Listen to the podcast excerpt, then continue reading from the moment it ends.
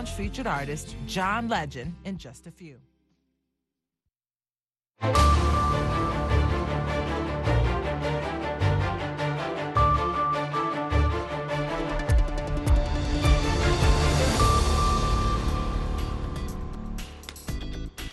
halkani waa washington laanta af soomaaliga idaacadda voice of america oo aad ka dhagaysanaysaan mawjadaha gaagaaban efemyada geeska afrika iyo caalamka oo dhan oo aad nagala socotaan v o a somaly com.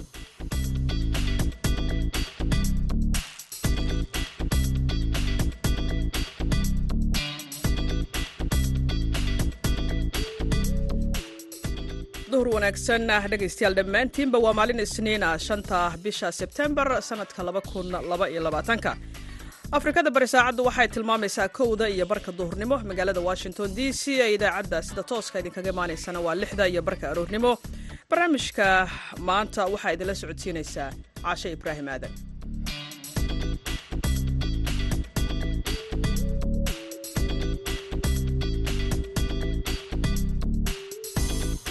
qodobada ah aad ku maqli doontaan idaacadda duhurnimona waxaa ka mid ah magaalada qardho oo lagu qabtay bandhig ganacsi kaas oo ay ka faa'iidaysteen ganacsato u badan dhallinyaro mashruucaana xooggiisa iyo awooddiisa sidii loo hirgelin lahaa oo dadkaasi ay u heli lahaayeen waxyaabaha ay xaqa u leeyihiin inuugu muhiimsan tahay xilliga ilmuhu uu u baahan yahay daryeelka waxbarasho in laga saacido oo wax walba oo caqabad ku ah waxbarashadiisa laga garabsiiyo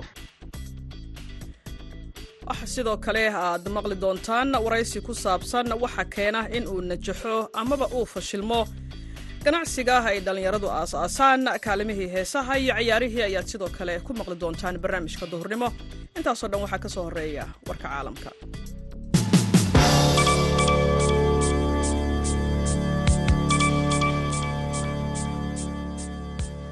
dhulgariir isniintan maanta ah ka dhacay koonfur galbeed ee dalka shiinaha ayaa dilay ugu yaraan toddoba qof sida ay sheegtay warbaahinta dowladda shiinaha. Dhulgariirkan oo cabirkiisu ahaa lix dhibic sideed ayaa ku dhuftay duhurnimadii maanta gobolka sijuan oo ah goob ay si joogto ah dhulgariirada dalka shiinaha uga dhacaan. Telefishinka dowladda shiinaha ee c c t v ayaa sheegay in dhulgariirku uu dilay uu dhaliyey dhulgo guryo burburiyey sidoo kalena korontadii magaalada uu gooyey dhulgariirkan ayaa waxaa laga dareemay magaalo madaxda gobolka jengdu oo ku taala meel laba boqol oo kilomitir u jirta xudunta dhulgariirka dhulgariir cabirkiisu ahaa sideed magnatitude oo ku dhuftay sijuan sannadkii laba kun iyo sideedii ayaa waxaa ku dhintay tobannaan kun oo qof maleeshiyada ururka al-shabaab ayaa sheegay in ay toogasho ku dileen shan qof oo ay ku eedeeyeen in ay basaasiin ahaayeen magaalada jilib toddobaadkan. Al-shabaab ma aanay soo bandhigin caddaymo muujinaya eedaha loo jeediyey shanta qof ee ay toogteen. Toogashadan ayaa waxaa daabacay warbaahinta taageerta ururka al-shabaab. Ururka al-shabaab ayaa toddobaadyadii la soo dhaafay waxa ay fuliyeen dilal ka dhana dad lagu eedeeyey basaasnimo. Maxkamadaha al-shabaab ayaan ogolaanin garyaqaano sharci oo u dooda dadka dembiyada lagu eedeeyo.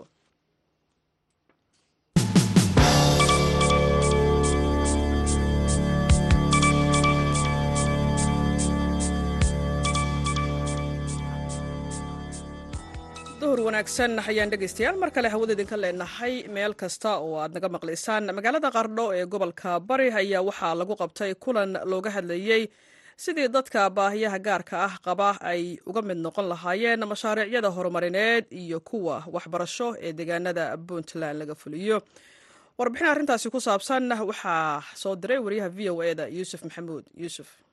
Kulankan looga hadlayay taageeridda dadka baahiyaha gaarka qaba ee ku sugan puntland oo sidoo kale barbar socday hirgelinta qorshayaasha waxqabad ee waxbarashada loo dhan yahay ayaa lagu qabtay magaalada qardho barnaamijkan ayaa dallada dadka baahiyaha gaarka qaba ee puntland oo kaashanaysa wasaaradda waxbarashada iyo tacliinta sare puntland oo taageero dhaqaale ka helaysa hay'adda sefda jildaren ayaa ka qaybgalayaal aqoon isweydaarsi. Wax iska weydiiyeen sidii dadka baahiyaha gaarka qaba looga faa'iideyn lahaa mashaariicda waxbarasho iyo tan horumarineed ee bulshada loo qabto taasoo lagu tilmaamay in dhallinyarada baahiyaha gaarka qaba aysan helin fursado horumarineed shirkan ayaa waxaa ka qaybgelaya guddoomiyaha dallada naafada puntland qaar ka mid ah maamulka iyo weliba guddiyada waalidiinta iskuullada ka faa'iidaysta mashruucan iyo dad u badnaa dhallinyaro ka mid ah kuwa baahiyaha gaarka qaba. Isweydaarsi iyo gorfeyn kadib waxaa ugu horreyntii hadalka qaatay guddoomiyaha dallada naafada puntland cali cabdi aadan isagoona ugu baaqay ka qaybgalayaasha in barnaamijyada noocana laga faa'iidaysto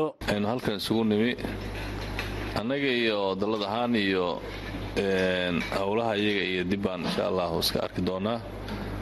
Laakiin waxaad tihiin idinku macallimiintii iyo guddiyadii dabcan mashruucan waxbarashada loo dhan yahay oo hadda muddo soo socday. Kolay sanadihiisi hore hadda ay gabagaba yihiin. Marka waxaa marka hadda annagu garawaan ku qaban jiray badanaa d b oska ururada iyo iyo iskuullada taargetka oo garowe. Halkanna waxaan nidhi waa inaan marka soo qabanaa oo iyaguna dee iskuulladii waagii la salagtgareeyabaa jooga. Si aan halkaas iyagana guddiyadii iyo macallimiintii wax maarata isaga ogaano marka aad baa u mahadsantihiin aad baan ugu mahad celinayaa cabdirashiid oo seef ka socda iyo hay'adda seef oo barnaamijka inoo horgelisay halkanna uu jooga qaybta madaxa mashruucaas. Marka wakhtigoo maaragtay kooban dartiis aad baa u mahadsantihiin. Cabdirashiid cabdulaahi waaberi oo ka socday hay'adda seefda jildareen ayaa docdiisa sheegay in barnaamijyadan iyo barnaamijyo kale loo qaban doono dadka baahiyaha gaarka qaba si looga faa'iideeyo fursad walba ay u baahan yihiin. Sida guddoomiyuu inoo sheegay barnaamijkan waxaa qayb weyn ka ah hay'adduna ay rabtaa inay awood siiso ama aakhirka ay ku wareejiso barnaamijka oo dallada loo asaasay oo ah inay dadka baahiyaha gaarkaa qabta adeegyadooda iyo baahiyahooda iyadoo ay la wareegto oo koonfargarayso maadaama ay tahay xarun loo furay dadkaas aqoon badan ay u leeyihiin daraasad badan ay ka sameeyeen iyaguna ay yihiin dadka ku shaqada leh oo mas'uuliyadda gaarka ah maarata iyagoo ay ka saaran tahay.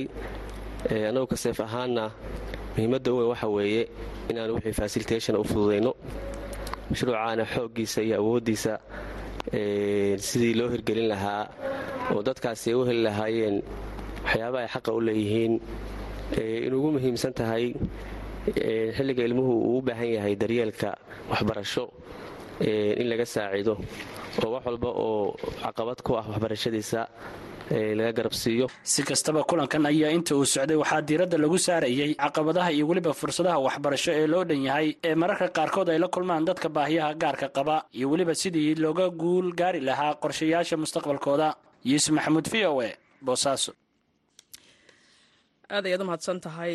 Yuusuf magaalada muqdisho dhalinyaro badan ayaa waayadii dambe waxa ay ku soo kordhiyeen goobo ganacsi qaarkoodna waxa ay noqdaan kuwo najaxa oo sannado badan jira halka kuwo kalena ay shaqayn kari waayaan oo ay xirmaan sababo kasta ha ku timaadee. Maxamed roobleh oo loo yaqaano joya waxa uu shan sano ka hor furay goob ganacsi oo kafeega u gaara welina waa ay shaqaynaysaa cabdulqaadir maxamed cabduleeh ayuu uga waramay sida uu dhallinyaro ahaan u maareeyo ganacsigiisa iyo waxa la gudboon qofka ganacsiga abuuraya waxaana uu marka hore ka waramayaa xilliga uu aasaasay xaruntan ganacsi. Waxaan hirgelinay labada kun iyo toddobiyo tobankii. Markaasoo baahiyo badan ka jireen oo xagga kafeega magaalada marka baahidaas markaa aragnay ayaan furnay xaruntan kafeega ilaa maantana hadda waa wadnaa abduqaadir waa aragtaa kafeegaan ka shaqeynaa waxyaalo kale kama shaqeyno. Kafeegaas iyo arrimihiisaan ka shaqeynaa. Marka xaruntaadu si gaara kafeegay u gaar tahay ma jiraan ganacsiyo kale? Maya maya kafeegaas keliya iibinaa ganacsiyo kale ma jiraan. Marka waxaas aan naqaano ayaan keliya aan ka shaqeynaa wax kale ma qaban. Gartay. Magaca daba waa talyaani. Marka xaruntan ma xarun faranjaysahoo ku lamaansan talyaaniga sidee ku yimid magacan magaca waa magaca kafee ah waayo oo maaragtay adduunyadana ka jiro soomaaliyana aan labada kun iyo toddobiyo tobankii aan mataqaanaa ka hirgelinay. Marka kafeegaasaan iibinaa iyo maaragtay wixii oo baar baar uu iibi laha ama kafeteriya waxaa la dhaho shaqadeena waa intaas aanu ku dhex jirno. Waxaan anaga naqaano oo hore u naqiino oo mataqi shaqey jirna haddana ka shaqeyno wadno waaye. Marka waa intaas waxa oo meesha ka jiro. Maxamed waxaan aragnaa in ganacsiyada la hirgeliyo laakiin aysan suuqa ku nagaan oo si sahlan dhallinyaradu u niyajabaan marka markaad fiiriso u adkaysiga adigu kuu suuro gashay bal maxay ahayd farsamooyinka ama fursadaha aada u nagaateen? Mar kastoo wax bilowdid waxaa la rabaa in waxaanay kaa noqon maarkino wax oo ku soo booday waxa aad mataqaana muddo aad ka fikiraysa aad taqaanid aad ogtahay inaad ka bixi kartid maaragtay markay aad samaysid daruufahaas waa u dulqaadan kartaa waddankaana la midna wax kastoo meeshaan ka dhaco soomaaliya qeybtaada ka tahay maaragtay dulqaadkeedana waa yeelanay marka wax ku soo booda ma arkino. Iyo wax noocaasna ma ahayn wax aan horay mataqaanaa khibrad ugu hayn ka shaqey jirnay haddana aan ka shaqeyno waaye. Intaas waaye muugi wax kaloo maanta ma arkin oo oo maaragtay oo gooni ah noo ah ma jiraan. Waa intaas aragtay oo yacni aan qabanno markaad fiiriso daruufaha amniga laga hadlayo ama saamaynta ama culaysyada dabcan ma la kulantay? May wixii magaaladan uu ka jiraa mataqaanaa yaa? Wixii magaaladan ka jiro mar kasta waxaa waaye qaybtaada ka ahaanay. Laakiin wax kaloo annaka maanta saa'id oo sheeganayaan ma jiraan. Waana mataqaanaa iska shaqo noocaas waaye kafeyga oo meel dadka iskaga sheekaystaan ku shahaan farxad ku qaataan waqtiyadana siinada iskaga kaftamaan waxaas. Wax kaloo maanta jiro oo zaa'ida ma jiraan waxa keena in si sahlan dhallinyaradu ganacsigooda u guulaysan waayo. Maxaa ka mid ahoo oo khibrad ahaan is leedahay? Way ku yartahay yacni dhallinyarada waxaa waxaa ku oo mataqaanaa dhibaatooyinka xoogaa waxaan dhihi karaa in ay tahay inaan wakti u haynin oo maarata waxay sameynayaan marka horeba waxay wakti u haynin ay yihiin. Kadibna maaragtay wakti u weynayaanba oo ganacsigii keligiis ka damaayo. Laakiin qofkii soo baxo ganacsigiisa joogo maarata wakti u haayo ka shaqeeyo yacni waxba dhibaato ah ma u malaynayo hadduu ku sabro oo waktigana siiyo laakiin qofka asagoo shaqaalo meel ka meel kale shaqaalo ka ayuu rabaa haddana inuu wax furo. Haddana looga shaqeeyo asigoo ka warqabin wakti u haynin waxa ka socda ogeyn. Marka waxa arrimahaasaas dhihi karaa waxyaalaha yah qofki inuu meelo badan ka fikiro halka meel. San shaqada wadin maaragtay dad kale intuu dhiibo ka tago. Saasaa isleeya waxyaalaha sababo. sidee looga waaqsan karaa si daruufaha loogu yacni in ganacsi kasta oo dadka maaragtay shaqadooda tahay in loo madax banneeyo oo maaragtay oo loo dhaafo oo laysku dul furin waxyaabo badan maaragtay qofkii ka shaqeeya shaqadan in shaqadiisa loo deeyo oo lagu taxgeliyo oo maaragtay waxaa koobiga ahayo geesaa inta qofkii wixiisi wax lamida laga furo haddana lagu cariiriyo oo maaragtay ayadoona waxba ku waalatay ay wixii la ilaalinaynin ama waqtiba loo haynin la samaynayo waxaas dhalin inay iska dhaafaan waxyaalo ay maaragtay qaban karaan ay og yihiin inay sameeyaan arrinta la xiriirto iska dulfurka ganacsiga. Waxaad arkaydaa in meel laga furayo timajare laga yaabo in toban kale marka maxay u dhintaa ganacsiga? Meeshaas dowladduse door muku leedahay? Waayo la talinay u baahan yihiin markastoo la talin ganacsi inay helaan. Meeshay wax ka sameynayaan maaragtay in lagala taliyo. Marka dadka la taliya inay aadaan aan kula tali lahay. Markay wax sameynayaan ka hor inay maaragtay qof ganacsiga bartay inay la soo tashtaan suuqana ka warqabo joogo kadibna ay ku dhaqaaqaan. Marka waa muhiim in in talooyinka qaar laga fikira yacni inay helaan la talin ganacsi qofaa inay helaan waa maaragtay bartay suuqa ka warqabo wixii ka dhacay isbeddelka og ee ah qofkaasaa hagi karo dadka ganacsiga furaayo. Laakiin qof dibadda ka yimid ama dibadda iska joogayo hal mar inta soo duulay telefishinadii meelahaas ka arkay waxyaalo la furaayo kafee ama biizo ama ama restaurant waxyaalaan ku saabsan. Kadibna maaragtay meel ha la yiraadiyo meel ha la yiraadiyo iska furay. Taasa xoogaa cariiriga maaragtay. Qofkina uu dhibtoonaa suuqina maaragtay xoogaa wuxuu ku sameynaa waxaan qurux badnayn marka waxaa fiican in qofka marka hore uu ka warqabo waxa ka socda gudaha. Meel uu ka sameynaya ganacsiga kaasi waxa uu ahaa maxamed rooble oo loo yaqaano joya oo shan sano ka hor magaalada muqdisho ka furay goob kafeega laga cabo waxa uu magaalada muqdisho ugu waramayay wariyaha v o da cabdulqaadir maxamed cabdulle. Halkaaad weli nagala socotaana waa laanta af soomaaliga v o a oo si toosa idinkaga imaaneysa magaalada washington. Warar goordhoweyd soo dhacayna. Waxa uu sheegayaa maxkamadda sare ee dalka kenya inay shaacisay in doorashadii dhacday sagaalkii agost uu ku guuleystay william ruto. Maxkamadda ayaa waxa ay diiday eedaha ka yimid dhinaca murashaxa rayla odinga iyo xubnaha kale ee ahaa in la farageliyey natiijada doorashada. Maxkamaddu waxa ay sheegtay in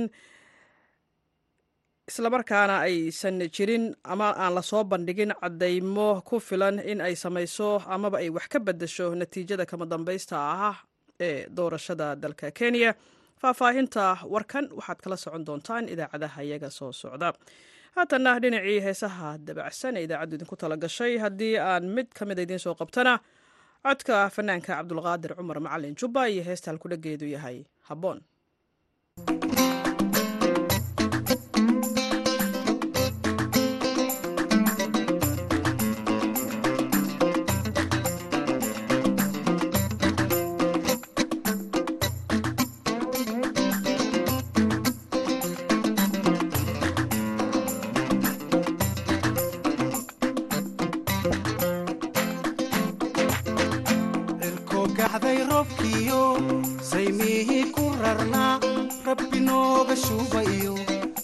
rabtii ay warshiiqahay ku rushay reedaha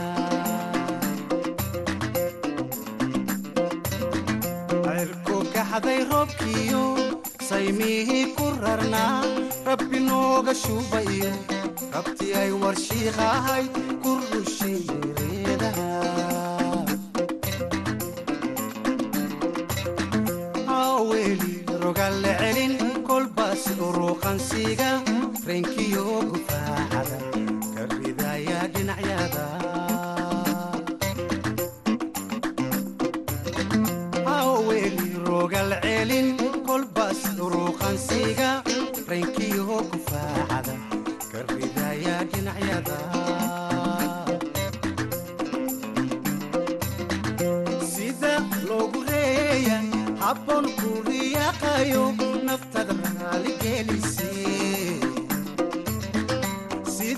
loogu reeya habboon ku riyaaqayo naftada raaligelise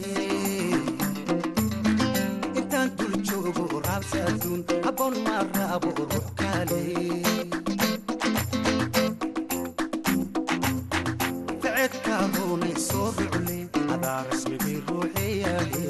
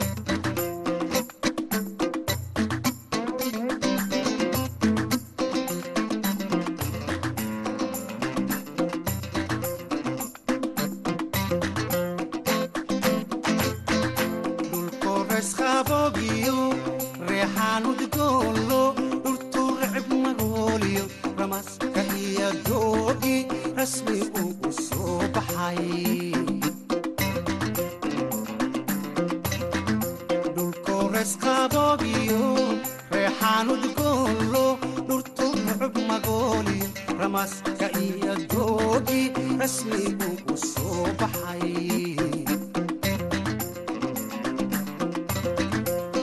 Ramka geliyo riilo loo dhalay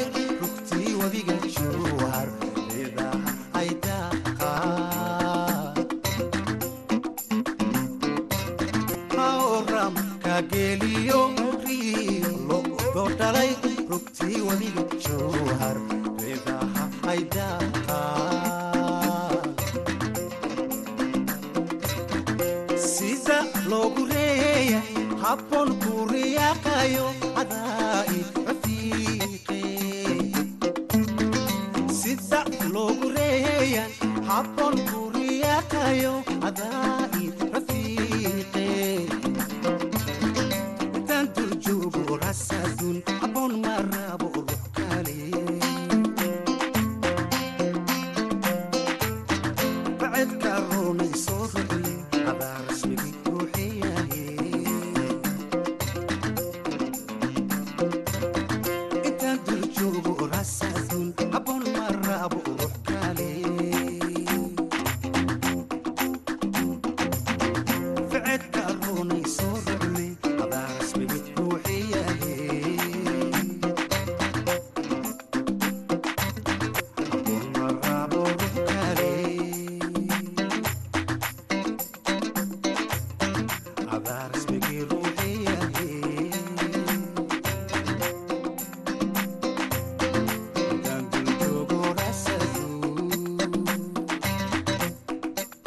cabdulqaadir cumar macalin jubba iyo heesta halkudhageedu yahay habboon. Waxaan filayaa inaad ka helayseen dhinacii ciyaaraha. Waxaa noola diyaara cabdulqaadir maxamed mursal samakaab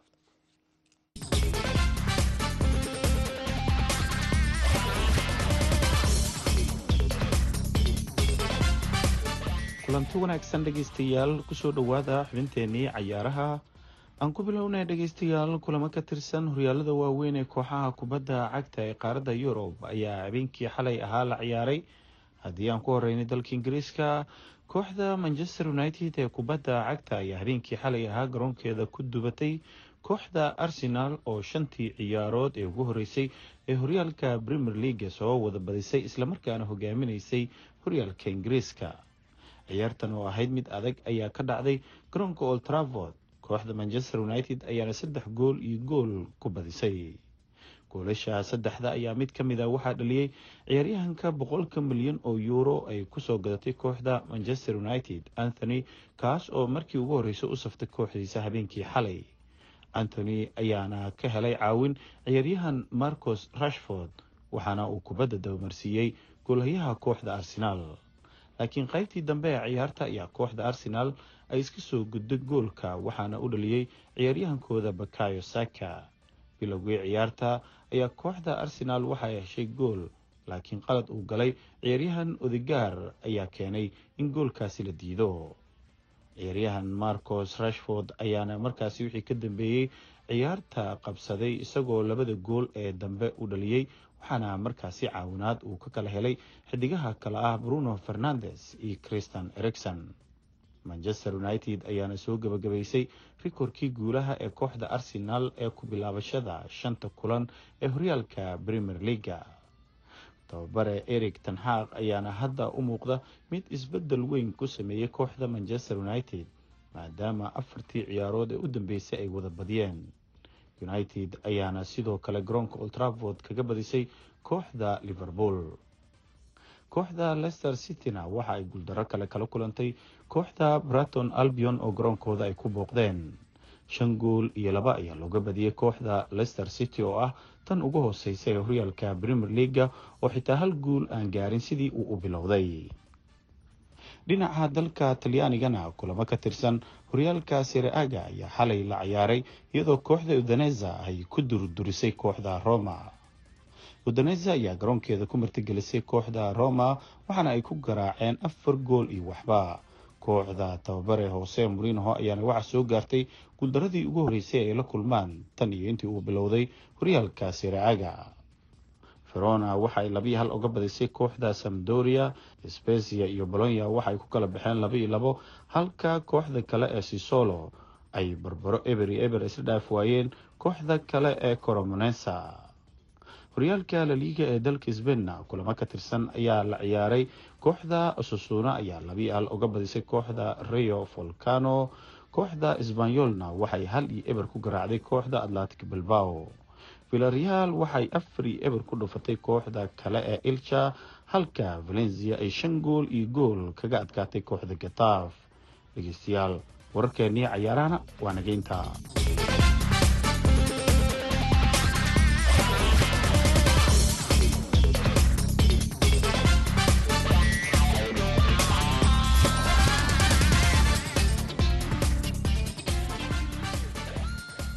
wararkii dhinaca ciyaaraha iyo cabdulqaadir maxamed mursal samakaab ayaan intaas uga gudbaynaa. Mar kale ayaan dib idinkugu celinaynaa heesaha dabacsan ee aanu idiin hayno duhurnimadan maanta oo isniina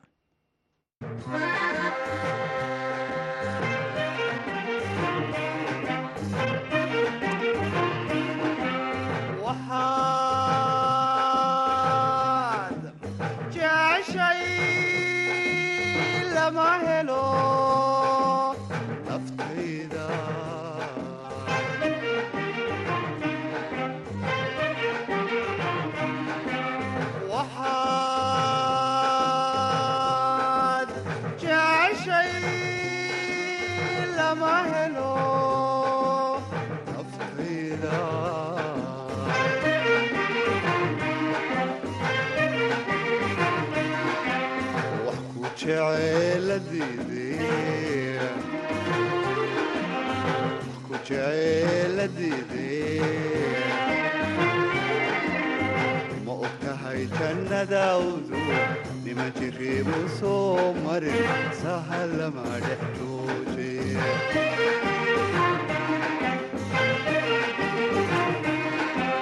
ma og tahay jannadaawdu nima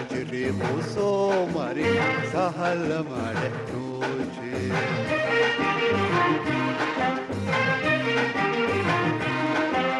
haddaad jamato geedadaad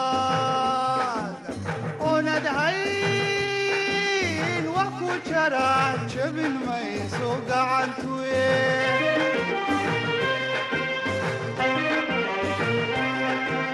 haddaad jamato geedadaad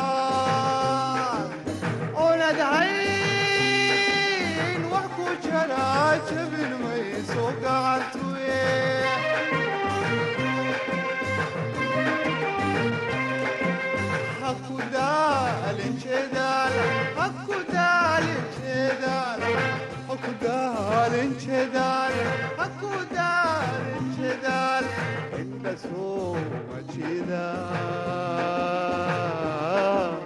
qalbiga jejera hakudaalin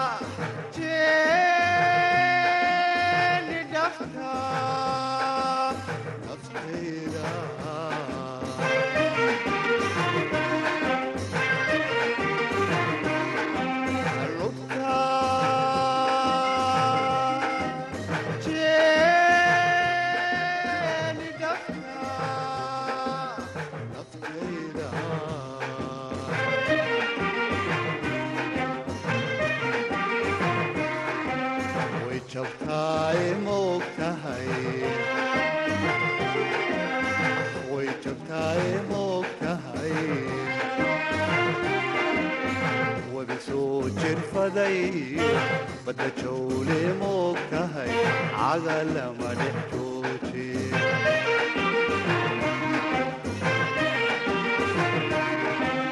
webi soo jirfaday badda jawle moog tahay caga lama dhex jooje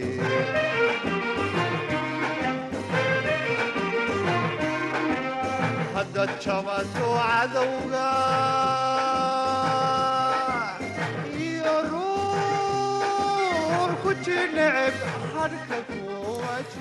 haddaad jamato cadowga iyo ruux ku jiir neceb harka kuuma jiido. Allaha u naxariisto fanaanka maxamed axmed. Kule codkiisa ayuu ahaa iyo heesta waxaad jeceshahay lama helo.